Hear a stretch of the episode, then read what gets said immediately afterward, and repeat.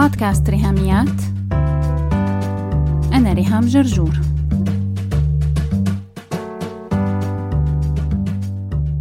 مرحبا. اليوم بحلقة رقم 110 من بودكاست ريهاميات. رح نحكي عن التسمم يلي كلنا عايشينه بشكل يومي بحياتنا.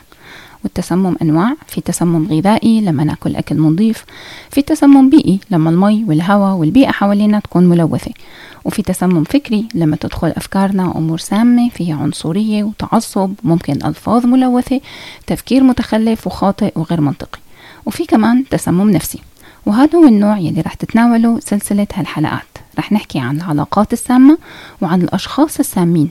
عن الطفولة السامة وعن الوالدية السامة ونشوف شو بيعني إن يكون أنا بعلاقة سامة بدون ما أحس سواء علاقة صداقة أو علاقتي بشريك حياتي أو علاقتي بأهلي وكمان علاقتي بأبنائي وطريقة تربيتي إلهم. وهل في مؤشرات تخليني أعرف لو أنا نفسي شخص سام بالنسبة لي اللي حوالي وشو النصايح يلي بقدر أعملها لو شفت حدا تاني عم يعاني من علاقة سامة؟ صديقة غالية علي مثلا كيف ممكن أنا أقدر ساعدها؟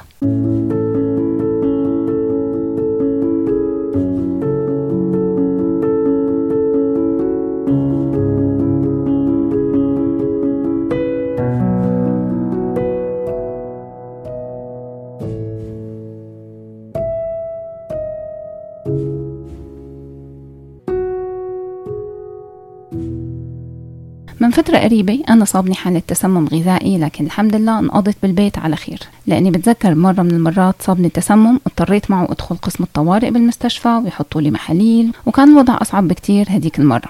أنا عموما بعرف إنه معدتي حساسة وبس أنا. يعني بسنين الطفولة بنكون كلنا قاعدين بالعيلة ببيت أهلي نحن ستة بابا وماما وإخواتي بناكل نفس الأكل وريهام الوحيدة يلي انضرت. بنكون مثلا بمؤتمر للشباب وكل المشاركين بالمؤتمر أكلوا نفس السلطة ونفس الأكل وبرضه ريهام الوحيدة يلي قضت باقي المؤتمر بالأوضة استفراغ وإسهال المهم إني من 14 سنة أخذت شوية قرارات. ما بيفهموها يلي حوالي لكنها قرارات حاسمة وصارمة. لا ريهام هذا المكان نظيف كتير لازم تدوقي السلطة تبعهم لا هذا المطعم غير هالمصيف غير. شو سمعت؟ هالجملة. لدرجة مليت من الشرح لكن بنفس الوقت ما بتأثر بالضغط والإحراج. شو استفدت لو أكلت سلطة مشان ما زعل يلي حوالي؟ وبالأخير أنا يلي دفعت الثمن أصابني تسمم على قد ما التسمم الغذائي صعب وبيسحب طاقة البني آدم كلها وبيكون الواحد فينا مرمي بالسرير مثل الخرقة اللي ملهاش أي ستين لازمة. كنت أنا بتعبي مشتهية حتى لو نقطة مي لكن حتى المي كانت معدتي عم ترفضها ودخلت بحالة شبه هذيان أو غياب عن الوعي مو عرفان الليل من النهار. يعني على قد ما التسمم الغذائي صعب لكن الجسم بيطرد الجرثومة. ما هو شو سبب الاستفراغ والإسهال؟ إنه الجهاز الهضمي دخل عليه ميكروب ولازم يطرده برا الجسم بأي وسيلة كانت سواء مع الجاذبية أو بعكس اتجاه الجاذبية الأرضية. وعن جد نشكر الله على هالدفاعيات بجسمنا ويلي بتحصل بشكل لا إرادي. لكن لو سألنا حالنا عن التسمم العلاقاتي فهل نحن بنعمل نفس ردة الفعل يلي بيعملها جسمنا وقت التسمم الغذائي؟ للأسف لأ.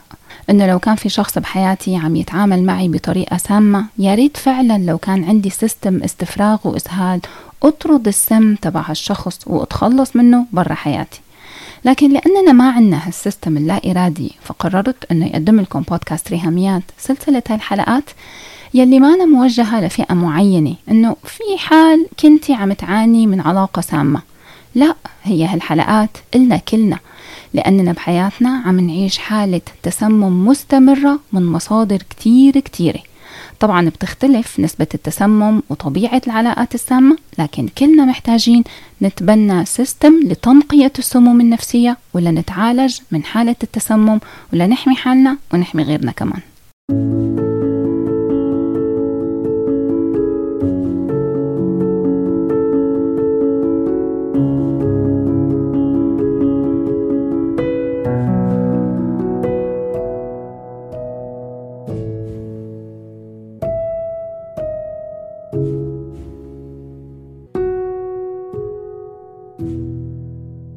أول خطوة بعملية الديتوكس ونزع السموم هي الوعي.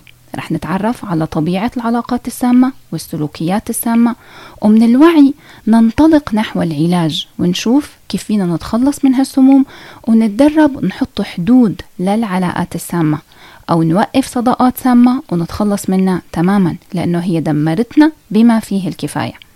لكن كمان بالحلقات الجاية رح نحكي عن الحذر من سلوكياتنا نحن إنه ممكن تكون سامة ليلي حوالينا. لأني مثلا تربيت بعيلة سامة فعم إنقل هالسم لأولادي بدون ما أعرف. لكن مع الوعي والقرار رح أقدر أتغير. رح نبتدي حديثنا عن التسمم بأنه نستعرض أربع أنواع من الأصدقاء السامين واللي لازم نحمي حالنا منهم. بس بالأول بدي نوه لفكرة هي أنه وباء كورونا له دور كبير بفضح بعض العلاقات يلي كنا ماشيين فيها عادي.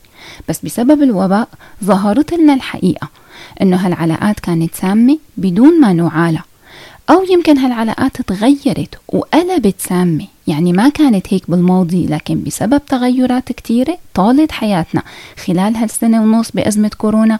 فيلي صار إنه علاقات كتير تحولت وتغيرت وصار لازم ننتبه منها لأنه وصلت إلى درجة من السمية لا ينفع معها التطنيش.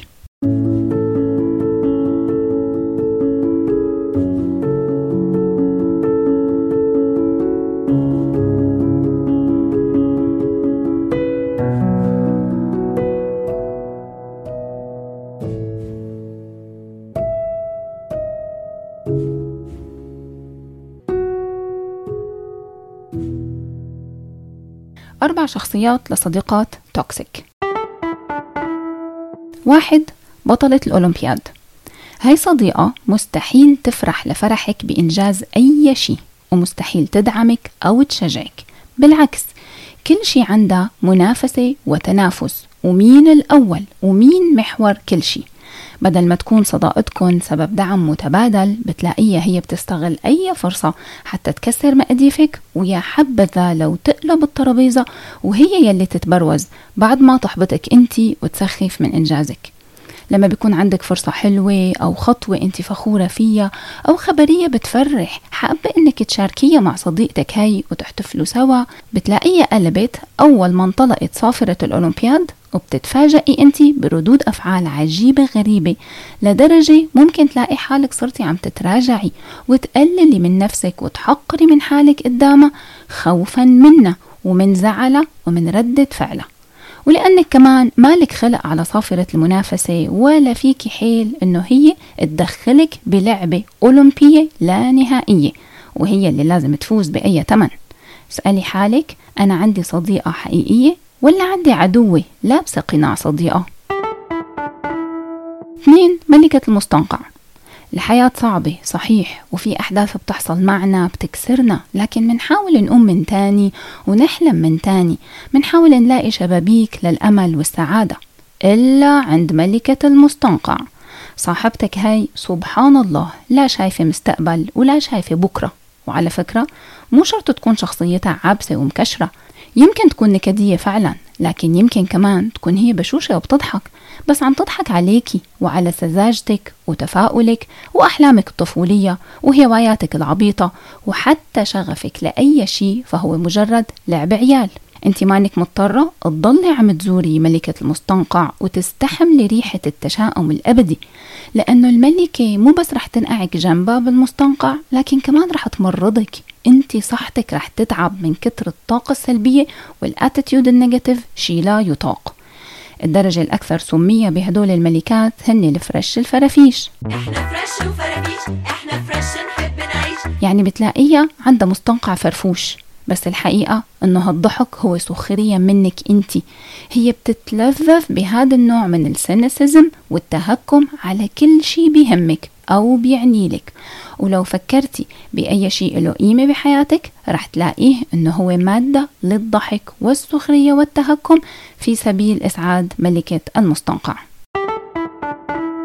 ثلاثة الحلزونة يما الحلزونة. هي بقى بتربح جائزة بالكسل والتخاذل والتأجيل والتسويف والاعتمادية والسعي وراء كل ما هو سهل ومريح وسريع مهما كانت التكلفة. لو هي زميلتك بالجامعة فدايما بتصور ورقك وبتاخد الملزمة تبعك وبتنسخ تعبك ويلي انت كتبتيه بالمحاضرات. ولو بتمتحنوا مع بعض فبتبتزك تغششيها وبتعتمد عليكي انت يلي تدرسي وتذاكري وهي اللي تنقل وتغش منك بالامتحان على البارد المستريح. بتاخد منك إجابات وأبحاث وواجبات ولو ما لبيتي لرغباتها فأنت صديقة سيئة. عادة هالشخصية بتكون دلوعة مامي وبوبي وعمرها ما تعبت لتحصل على أي شيء. لو هي زميلتك بالشغل وانت عم تلاقي مرتبك بيخلص نصه على الأكل الجاهز فصرتي تجيبي أكل معك على المكتب. مستحيل الحلزونة تسيبك في حالك. وراكي وراكي حتى تشتروا أكل جاهز وتحرجك وترجعك للصرف والبعزقة لو هي من شلة الصبايا يلي بتجتمعوا خروجة مع بعض كل فترة فبتلاقيها بوظت ريجيم الكل. بتلوث الأجواء بأساليب مختلفة. المهم بالأخير إنكم تطلبوا أكل مقالي معجنات وشي دبل تشيز سايحة شي سكر وكريمات وشوكولا سايحة لأنه الحلزونة إرادتها سايحة ما بعمرها سمعت عن قوة إرادة أو عن مثابرة أو عن انضباط. ايا كان أسلوبها فهي بتحصل على يلي بدها اياه والنوع الأخطر إنه هي توهمك إنه هاد كله لمصلحتك أنت وهي بهمها خيرك وسعادتك لكن بالحقيقة هي همها شغلتين وبس حالة نفسها يعني والنتائج السريعة والمريحة. أربعة ندابة الأطلال. 24/7 نفس الأسطوانة. انشغال مطلق وتكريس تام للتذمر والنق والزن. بدل أي شغل أو تحرك ناحية أي تغيير. الأسطوانة فحواها رثاء النفس على لعق الجراح على حسرة على الماضي على بكاء على الحليب المسكوب على تعداد واجترار الأحزان والمآسي والفقرة الأبرز هي البكاء على الأطلال. ندابة professional خمس نجوم. هذا النوع بيكون عادة قمة التهرب من المسؤولية وهال attitude السام شغال طول الوقت. مهما كان الوضع مستحيل يكون إلها هي أي دور أو تعترف بمسؤوليتها تجاه أي شيء من يلي عم تتذمر عليه. وطبعا طبعا هي وحش الشاشة بمهارة تامة تلعب دور الضحية لتجذب الأنظار إلها وتشبع تمحورها حوالين نفسها. دور الضحية يشمل كل شيء هي ضحية القدر ضحية الأهل ضحية الأزمة الاقتصادية ضحية كورونا إلى آخره إلى آخره. المهم أنه هي الضحية وأنت دورك تتعاطفي معها وتطبطبي عليها وتسبي وتلعني الظروف يلي وصلتها للي هي فيه. وتقعدي جنبها على ما تبقى من حطام حياتها وتنضمي لنغمتها وتعملوا أحلى دويتو ندب على الأطلال. هاي صديقة toxic وعم تسمم حياتك وراح تعيقك تماما إنك تعملي بحياتك أي تقدم أو تغيير أو تحسين أو تحققي أهدافك وتوصلي ليلي بتحلمي له. هدول هني أهم أربع شخصيات للصديقات يلي لازم تراجعي علاقتك معهم وتوعي للسم يلي مخرب حياتك بسببهم. بالحلقة الجاية رح نحكي عن شريك الحياة ال toxic والوعي للعلاقة الزوجية السامة. لهيك مستنيتك صباح الجمعة الجاي بموعدنا مع حلقة جديدة من بودكاست ريهاميات. بس هيك. لو عجبتكم الحلقة لا تنسوا تشاركوها على ال social media حتى ناس أكثر تستفيد. تقدروا تتواصلوا معي عبر الموقع الإلكتروني لبودكاست ريهاميات www.rihamiat.com أو تبعتوا لي إيميل على ريهاميات at gmail.com أو message واتساب على الرقم 020 12 79 709 719 وعلى الفيسبوك دايما تابعوا صفحة وهاشتاج ريهاميات. سلامات. عشرين